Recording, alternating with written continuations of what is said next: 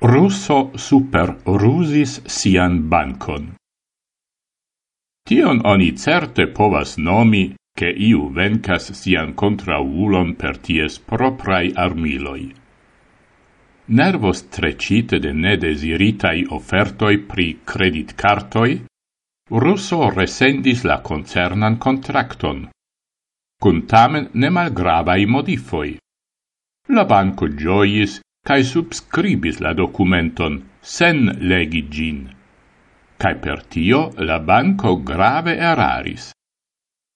Ciu en disputo pri contracto estas attentigita pri la malgrande presitae condicioi, tiu antau sentas che la legado estos malgioiga. Cio mal agrabla tio povas esti, Tion devis senti la russa interreta banco Tinkoff.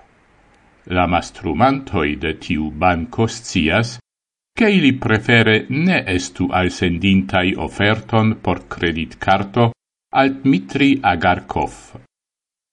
Almenau tiu offerto cium la banco sen pete sendis al quardec duia rulo, devis esti pli bona, nome Agarkov estis ege malcontenta pri la listigitai condicioi.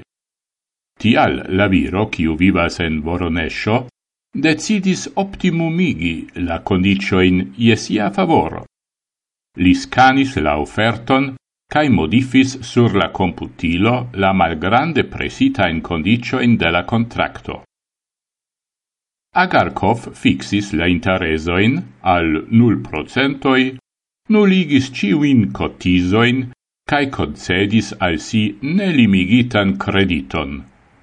Tiam li resendis la documenton alla banco cun sia subscribo.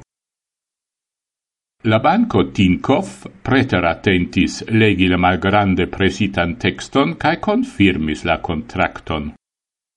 Dum du jaroi, lau rapporto de stata russa televida stazio, La russo utiligis la credit carton anta olgi estis barita de la banco pro mancantai pagoi.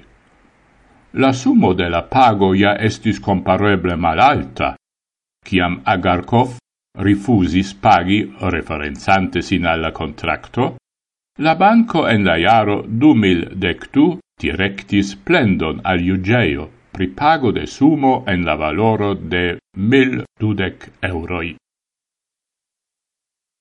La postulita sumo consistigis el la faritai acetoi cae cotizoi.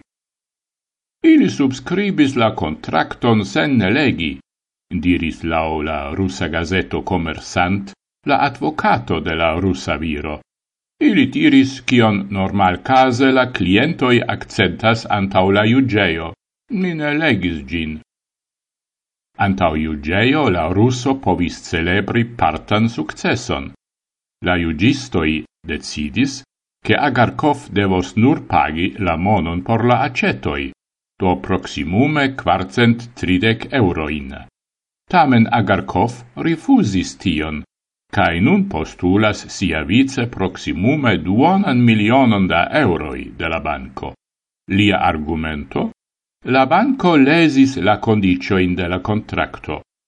Por tiu caso, Agarkov estis scribinta alta impun sumoin en la malgrande presita in condicioin de la contracto.